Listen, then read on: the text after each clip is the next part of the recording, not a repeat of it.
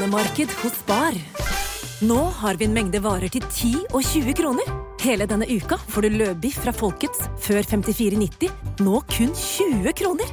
I tillegg får du et utvalgt Vasa knekkebrød, før fra 1690, nå bare 10 kroner. Alltid tilbud på noe godt. Hilsen oss i Spar. En podkast fra Podplay. Denne episoden kan være skremmende for enkelte lyttere. Om du er yngre eller sensitiv, bør du lytte til episoden med en voksen du stoler på, eller skru av.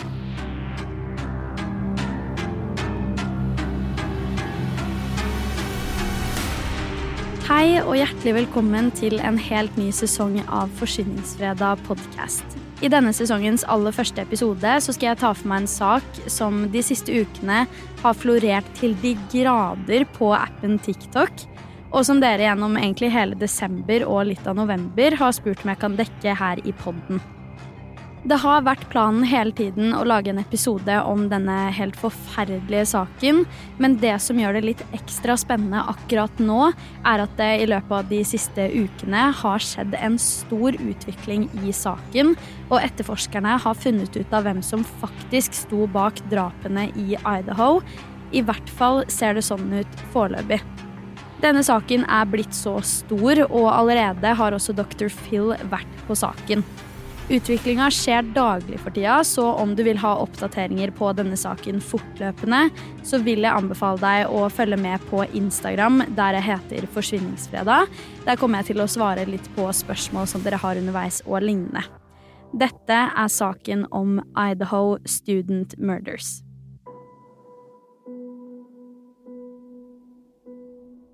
Aller først vil jeg introdusere deg for et kollektiv som bodde i et hus på Kings Road i Moscow i Idaho.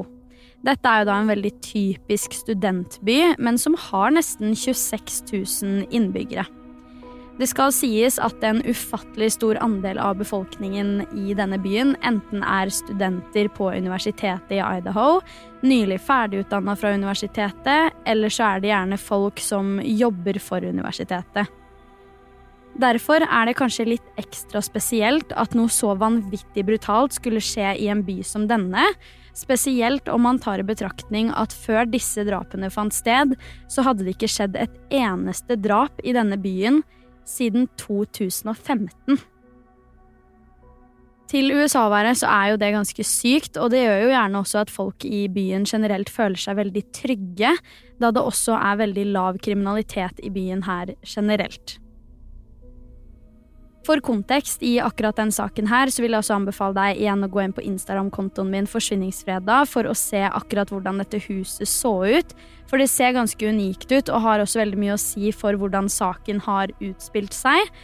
Dette er et hus med seks soverom, hvor fem av dem ble tatt i bruk. La meg introdusere deg for dem som bodde der. Først så har vi Kayleigh Gonsalves og Madison Mogan på 21 år, begge to. Kayleigh og Madison var helt uatskillelige og var bestevenner fra ung alder. De hadde gått på samme skole omtrent gjennom hele livet, ble kjent i sjette klasse, og derfor var det virkelig ingen tvil om at de selvfølgelig skulle gå på samme universitet også etter hvert. Kayleigh og Madison var så nære at de til og med var på familieturer sammen, så det kan jo vitne om at også foreldrene kom veldig godt overens og var nære, kanskje av døtrene. I 2019 begynte de begge to på universitetet i Idaho, hvor Kayleigh begynte å studere for å bli barneskolelærer, mens Madison studerte markedsføring. Madison var faktisk toppelev i hvert eneste semester, så det viser veldig tydelig at skole var spesielt viktig for henne, og at hun også gjorde det ufattelig bra hele veien. Ved siden av skolen så jobba Madison på en gresk og også vegansk restaurant, og faktisk gjorde hun også noe markedsføringsarbeid for restauranten hun jobba i, så hun drev med veldig mye forskjellig og var stort sett opptatt hele tiden. Jentene endte da selvfølgelig også opp med å bo sammen i et hus på Kings Road i Moskva i Idaho, sammen med fire andre. Men til tross for dette og det faktum at de stort sett var uatskillelige, så ble de likevel del av to helt ulike sorority-grupper på universitetet, og hadde sine egne venner ved siden av hverandre også. Både Kayleigh og Madison bodde i tredje etasje i dette huset på Kings Road. I andre etasjen av dette treetasjers eh, huset så finner vi først Sanna Kernodle. Hun var 20 år gammel og faktisk født i Idaho. Sanna var en veldig sosial og familiekjær person som også brukte veldig mye tid på å holde seg i aktivitet. Hun elska alt som hadde med sport å gjøre, og det blir forklart at hun har drevet med så å si alt du kan tenke deg, men spesielt turning og volleyball var noen av hennes favoritter. I tillegg til dette kjente også Sana Madison, da de to studerte markedsføring sammen, og også var i den samme sorority-gruppa, på toppen av å også jobbe på samme restaurant. Sana blir beskrevet som en jente full av lidenskap. Hun var morsom, energisk og kjærlig. Sana hadde også en kjæreste som het Ethan Chapin, som tilbrakte så mye tid i kollektivet til Sana at han i noen kilder er blitt ansett som en leietaker i huset, han også, selv om han egentlig var en del av en sånn fraternity som lå på campus til universitetet. Ethan blir beskrevet som den morsomste i vennegjengen, og som en person med en skikkelig sprudlende personlighet. I likhet med Sena var også han en veldig atletisk fyr, som også var veldig sosial og tilbrakte masse tid med familien sin, så det er jo ikke vanskelig å skjønne hvordan de falt for hverandre. Ethan gikk også på universitetet i Idaho og studerte innenfor sport og management. Som et par ble Ethan og Sana veldig godt likt. De var et par veldig mange så opp til, og en av samboerne i huset Sana bodde i, beskrev det sånn at de fikk de rundt seg til å faktisk tro på ekte kjærlighet. Til slutt har vi to jenter som i denne saken her har mottatt veldig mye negativ oppmerksomhet i sosiale medier, som du antageligvis kommer til å forstå litt utover i episoden. Dette er da Bethany Funk og Dylan Mortensen på 21 år, begge to. Bethany hadde da rom i første etasje rett ved hovedinngangen, mens Dylan bodde i andre etasje, da i samme etasje som Sana gjorde. De begge to studerte på universitetet i Idaho, i likhet med alle de andre i kollektivet. Men hva de studerte, har jeg ikke klart å finne noe særlig informasjon om. Generelt så er det veldig lite bakgrunnsinfo å finne om disse her to, annet enn info som omhandler saken. Så derfor så kommer jeg til å ta for meg det i størst grad, men da vet dere i det minste navn på dem, alder og hvor i huset de hadde rom. Som du forstår, så var de alle sammen studenter i alderen 20 til 21 år, og ut fra hva man kan se på sosiale medier, så virker det som at de alle sammen hadde et veldig trygt og godt forhold til hverandre. Nå som jeg har forklart deg litt mer om personene som bodde i huset, så er jeg nødt til å gi deg en tidslinje med nøkkelpunkter fra det aktuelle tidsrommet. 1.9.2022 blir politiet ringt av en nabo til kollektivet som klager på at studentene er høylytte og fester med altfor høyt støynivå. Det finnes faktisk en bodycam-video av denne hendelsen, hvor politiet kommer i kontakt med litt forskjellige ungdommer som da er deltakere på denne festen. Til slutt kommer de i kontakt med noen gutter som sier at de selv ikke bor der, men at Kayleigh og Madison gjør, og så forklarer de videre at Kayleigh og Madison ikke engang er hjemme. Guttene ender da opp med å ringe til Madison, slik at politiet kan snakke med henne som et resultat av denne naboklagen. Det er verdt å merke seg at politiet kjente veldig godt til dette kollektivet og hadde vært på denne adressa her under flere omstendigheter som resultat av andre naboklager også. Etter denne naboklagen 1.9. og generelt denne kvelden, så skjer det egentlig ingenting bemerkelsesverdig. Livene til alle leietakerne i huset går sin vanlige gang. De er studenter på universitetet og gjør ingenting utenom det vanlige. Det er frem til midten av november 2022. Vi skal tilbake til 12. november 2022 i Moskau i Idaho. Dette er dagen da Ethan Chapin og Sanna Kernodal ble observert på en fest i et fraternity-hus i gangavstand fra huset som Sanna og de andre studentene bodde i. Det virker som at alle i huset på Kings Road var ute den kvelden her, og at de på en måte var to og to på hvert sted. Sanna og Ethan dro jo da ut sammen til Ethan sitt hus. Kayleigh og Madison dro sammen, og til slutt Bethany og Dylan. Sistnevnte er de som kom hjem aller først. Den samme ettermiddagen eller kvelden som de alle sammen drar ut, så poster Kayleigh et bilde på Instagram med bildeteksten 'One lucky girl to be surrounded by these people every day', etterfulgt av et hvitt hjerte. Rundt klokka ti på kvelden så drar Kayleigh og Madison til en lokal bar som heter The Corner Club. Antageligvis har Kayleigh og Madison bare vært på denne baren her frem til neste gang de blir observert, da klokka er rundt halv to natt til 13. november. Det er da Kayleigh og Madison blir observert kjøpe mat ved en foodtruck i nærheten, som var veldig populær. Den foodtrucken de kjøpte mat fra, har heldigvis overvåkningskameraer, så hele denne seansen er filma, slik at politiet har hatt mulighet til å analysere alle stegene jentene tok denne kvelden. Disse overvåkningsvideoene er det flere enn politiet som har latt seg analysere frem og tilbake, og faktisk har flere bemerka seg én spesifikk person som går igjen her. Om du ønsker å se disse overvåkningsvideoene visuelt og få litt dypere forståelse for det selv, så kan du også se YouTube-videoen som jeg har laget om saken. Der har jeg nemlig lagt inn overvåkningsopptakene. Uansett, på disse overvåkningsvideoene så kan vi aller først se Kayleigh og Madison komme inn i bildet rett foran foodtrucken for å da bestille mat før de skulle reise hjem. Det ser ut til at mens de går, så er de med en tredje person, som da er en gutt iført en hettegenser. Han har i ettertid eh, blitt kalt The Hoodie Guy fordi han hadde en rimelig spesiell oppførsel i disse opptakene, som flere har bemerka seg. Mens Kayleigh og Madison skal til å bestille, kan vi se denne fyren i hettegenser litt i bakgrunnen for dem, helt, helt alene. Det ser ut til at han eh, stirrer på dem, noe som kanskje er litt merkelig om han ikke kjenner dem, og kanskje heller ikke var med dem egentlig. Videre kan vi se at han beveger seg litt bort fra jentene og steller seg for å snakke med noen av de andre studentene som sto i samme område.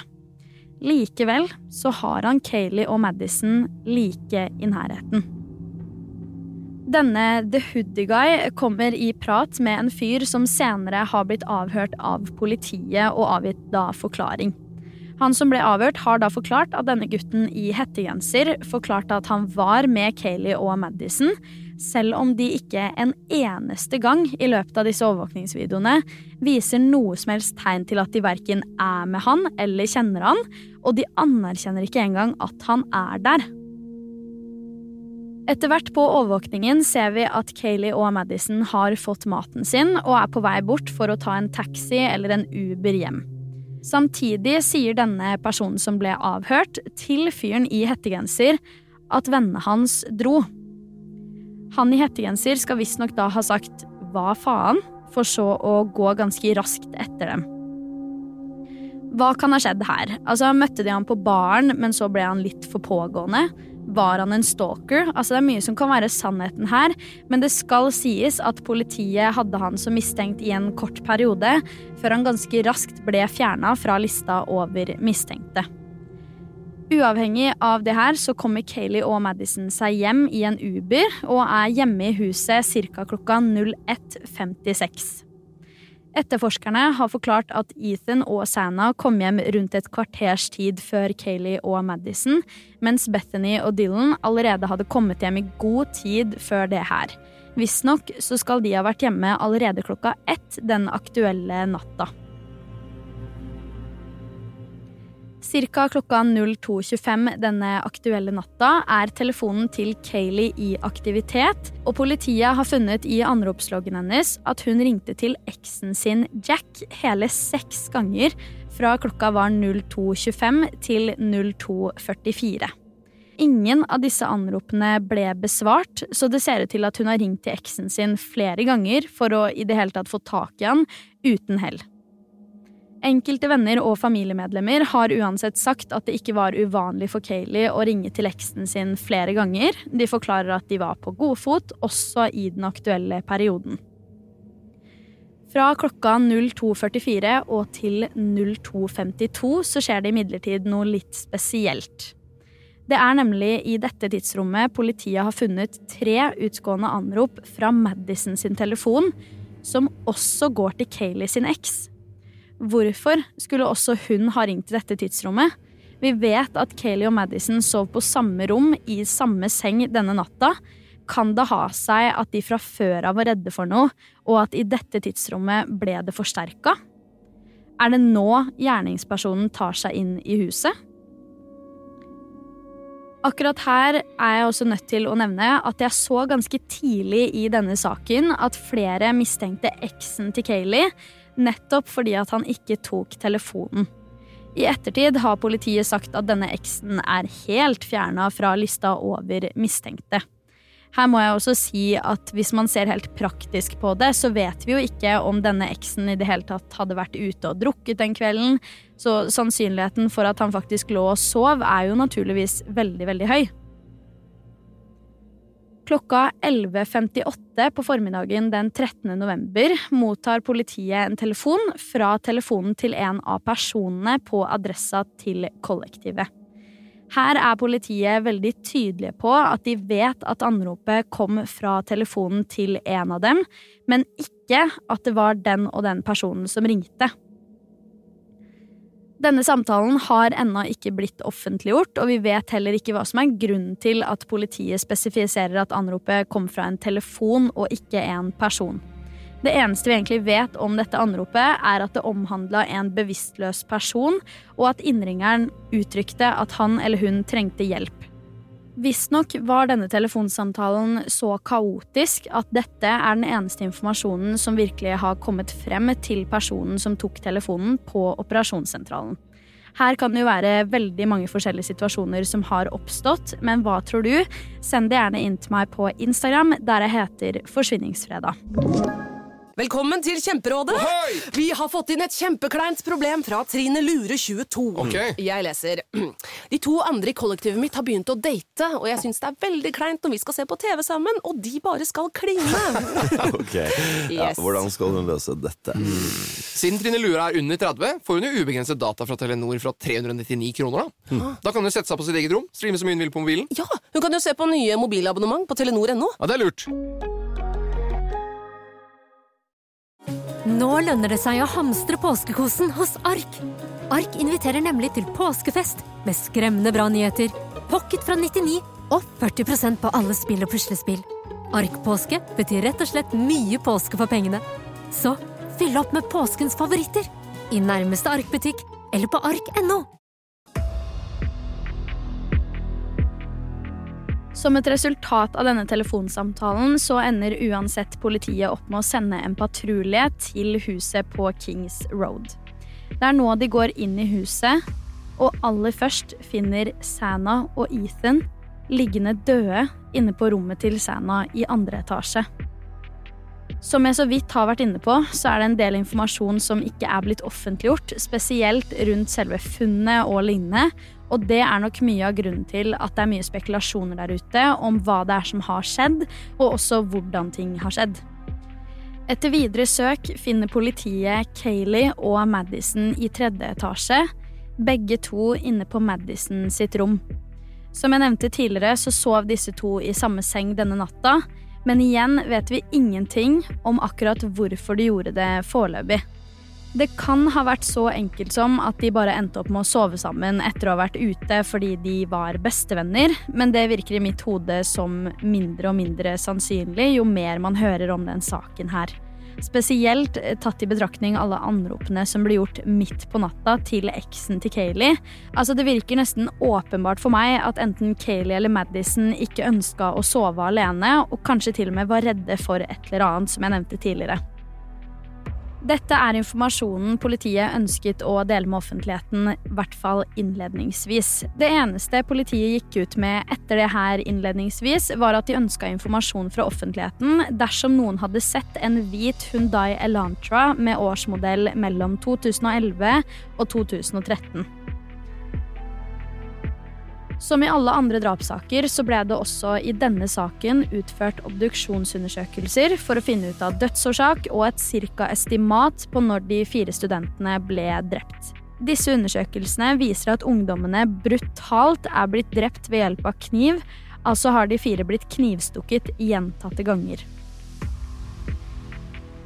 Politiet antar at gjerningspersonen starta med Kayleigh, da hennes skader er betraktelig verre enn de andre ofrenes skader. Vil det da si at gjerningspersonen i utgangspunktet hadde Kayleigh som mål?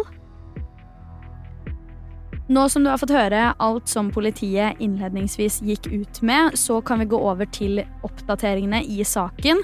Og før vi går inn i det, så er det også viktig for meg å poengtere at oppdateringer i denne saken kommer hver eneste dag omtrent. Og det er også veldig mye som kommer til å skje i retten. Derfor så kan det være noe av denne informasjonen her som er blitt videreutvikla, og at det har kommet enda mer informasjon, men det kan du høre mer om på Instagram, der det heter Forsyningsfredag, så gå inn og sjekk ut det.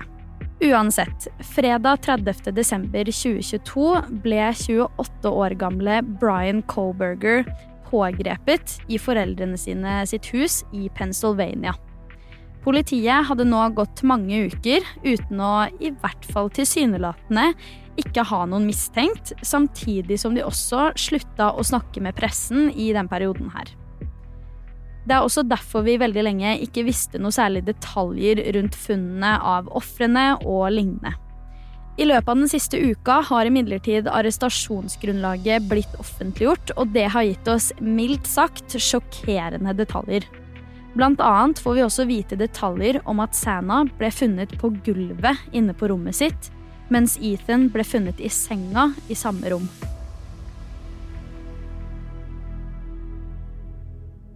Politiet kom da forrige uke ut med en offentlig uttalelse som i tillegg til arrestasjonsgrunnlaget inneholdt informasjon fra avhøret med Dylan Mortensen, altså en av de overlevende.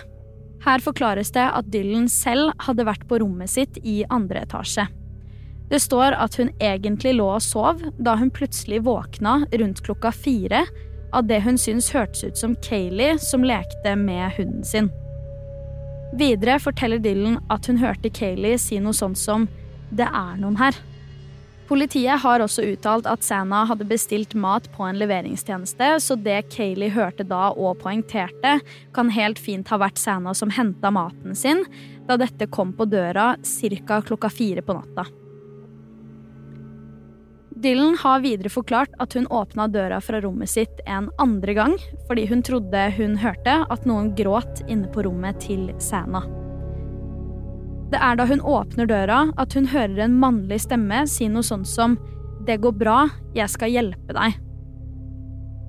Rundt klokka 04.17 plukker overvåkningskameraet til naboen opp lyder som høres ut som et høyt dunk og fra samme tidspunkt kan man også høre hunden bjeffe høyt gjentatte ganger. Er dette tidspunktet for ugjerningene? Videre forklares det i den offisielle uttalelsen at Dylan åpna døra si en tredje gang etter at hun trodde at hun hørte gråting, og det første hun blir møtt av, er en høy person iført mørke klær og med et plagg som dekka over munnen og nesa til vedkommende. I forklaringen hennes står det også at denne personen gikk mot henne. Dylan beskriver han som en mann på rundt 1,78 eller høyere, og forteller at han ikke hadde særlig med muskler, men at han likevel var atletisk bygd. I tillegg til det hadde han visstnok også veldig buskete øyenbryn, og det her sier oss jo veldig tydelig at hun har sett denne mannen ganske nært.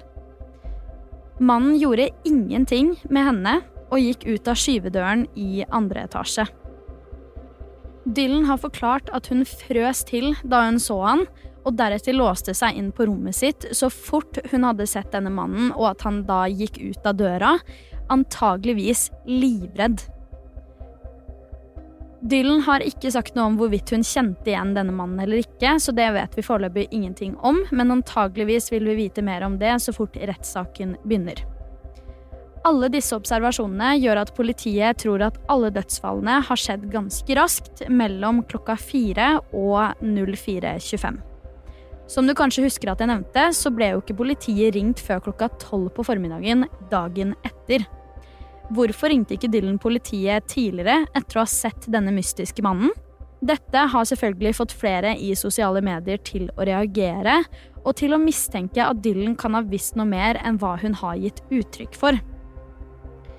Mange lurer på hvorfor hun ikke ringte politiet i det aktuelle tidsrommet da hun så gjerningspersonen, og andre reagerer på hvorfor hun låste seg inn på rommet sitt. Personlig tenker jeg jo at det er helt naturlig å låse seg inn på rommet når hun er livredd. Det er jo en handling man gjerne gjør på instinkt. Nylig har det også kommet ut informasjon om at hovedinngangsdøra sto åpen i flere timer på morgenkvisten, men vi vet ingenting om hvorfor. Hva som egentlig er sannheten bak hva som skjedde i løpet av disse timene, vet vi ikke, men det kommer selvfølgelig stadig mer informasjon i saken, og forhåpentligvis vil vi etter hvert se en ordentlig rettssak mot Brian Colberger. Foreløpig har vi kun de få detaljene som dropper litt her og der å gå ut ifra, og jeg må si igjen, på Instagram vil jeg oppdatere dere så fort det kommer ny informasjon i saken, så følg gjerne med der også. Der heter jeg Forsyningsfredag. Så hva var egentlig grunnen til at Brian Colberger ble pågrepet? Vel, de har faktisk klart å finne DNA på åstedet fra han. Da han klarte å legge en slira til kniven som ble brukt, inne på rommet til Madison. De klarte å finne DNA på så lite som knappen som lukker igjen slira, så siden de ikke fant drapsvåpenet, kan det godt være at det ikke hadde vært noe DNA fra han dersom han ikke hadde klart å legge igjen denne slira. Politiet brukte faktisk samme metode for å tracke ned eh, Bryans eksakte DNA-profil som de gjorde i Golden State Killer-saken, hvor de da brukte DNA fra noen andre i familien til den mistenkte til å kunne finne DNA til personen som de da trodde hadde gjort det. I denne saken hadde politiet faktisk lett i søpla til familien til Brian i Pennsylvania for å finne farens DNA, og det lyktes de med. Der fant de nok til å kunne bekrefte at disse drapene var utført av Brian Colberger, sammen med andre bevis og indisier de hadde på han fra før av. I tillegg til dette finnes det dokumentasjon på at Bryans hvite Hundai Elantra ble sett tre ganger i nærheten av huset på Kings Road før den endelig stoppa ved huset rundt klokka 04.05. I tillegg har etterforskerne funnet ut at Brian forlot Washington State ca. klokka 02.47, da det var der han egentlig bodde. For å ta det først som sist, så jobba nemlig Brian på Washington State University som lærerassistent, sånn jeg har forstått det i hvert fall, og hadde også fullført graden sin tidligere i 2022 innenfor kriminologi på The Sales University i Pennsylvania.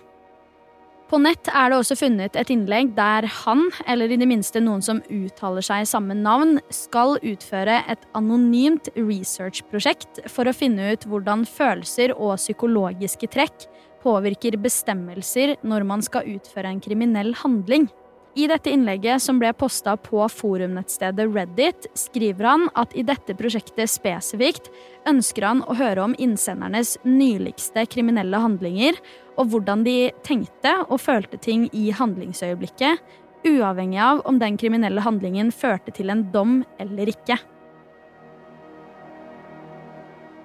På åstedet fant forresten politiet også et blodig fotspor som de nå er nødt til å gjøre videre undersøkelser av, for å kanskje videre kunne bekrefte at de har rett person, som definitivt vil være med på å lettere domfelle Brian Colberger i den kommende rettssaken. Her legges det også vekt på at dette skjedde i et hus hvor det alltid har vært veldig mange folk inn og ut, inkludert mange ukjente mennesker som ikke nødvendigvis har noe som helst med saken å gjøre. Likevel, hva er sannsynligheten for at noen andres fotspor er funnet i dette blodet? I så fall må jo vedkommende ha vært der etter drapene, og rent praktisk burde det jo i så fall bare være Dylan eller Bethany som har bevega seg rundt i dette huset etter drapstidspunktet, om de i det hele tatt gjorde det selv. Etterforskerne i saken har i ettertid nå fortalt at de hadde Brian i kikkerten allerede under to uker etter drapene, men at det var helt avgjørende å holde etterforskningen skjult for offentligheten. Telefonen til Brian har også klart å vise politiet at Brian har vært rundt huset til kollektivet rundt tolv ganger siden slutten av juni 2022, så det er helt åpenbart at det her var planlagt, og at han også har stalka dem. Han har da altså brukt de siste fem månedene på å i hvert fall tilsynelatende stalke kollektivet, for deretter å ta seg inn i huset deres midt på natta. Kayleigh hadde også nevnt noe om stalking tidligere til faren sin, men detaljene rundt dette er også uklare foreløpig. Kan dette være samme person som hun har snakket om? Foreldrene til Kayleigh har også uttalt, etter å ha sett bildene av Coburger, at de vet at det er en kobling mellom han og Kayleigh, men at de ikke er klare for å prate om det helt enda. Kan det være at han også hadde en kobling til de andre i kollektivet? Hvem som var målet til Brian, har vi heller ikke fått noen klare detaljer rundt, men jeg regner med at mange av disse spørsmålene vil bli besvart etter hvert som rettssaken pågår og politiet kan gi ut mer informasjon til offentligheten uten å ødelegge noe for saken. I kjølvannet av drapene har også Brian blitt observert hjemme i Pennsylvania, der han har brukt sterile hansker mens han har vaska ut av bilen sin, som om bilen skulle til å selges. Han ble også observert kaste noe i naboens søppelkasse, og til og med da brukte han disse hanskene.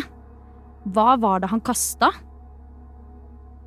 Det er helt klart mye å ta for seg i denne saken, og den utvikler seg jo bare mer og mer for hver eneste dag som går.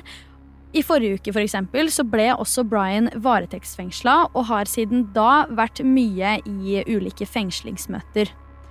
I hans første møte i retten fikk han tildelt kontaktsforbud mot alle i familiær relasjon til både ofrene og de overlevende, samt selvfølgelig de overlevende.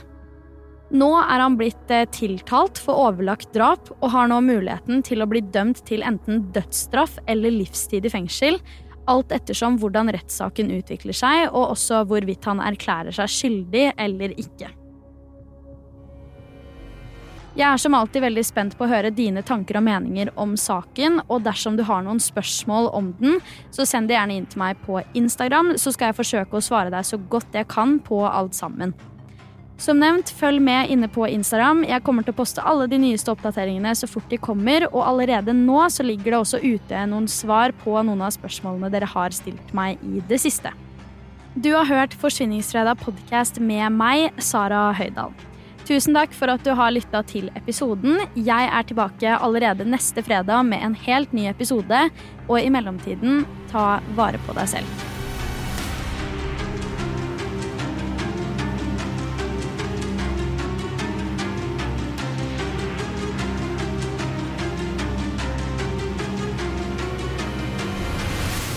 Du har hørt en podkast fra Podplay. En enklere måte å høre podkast på. Last ned appen Podplay eller se podplay.no.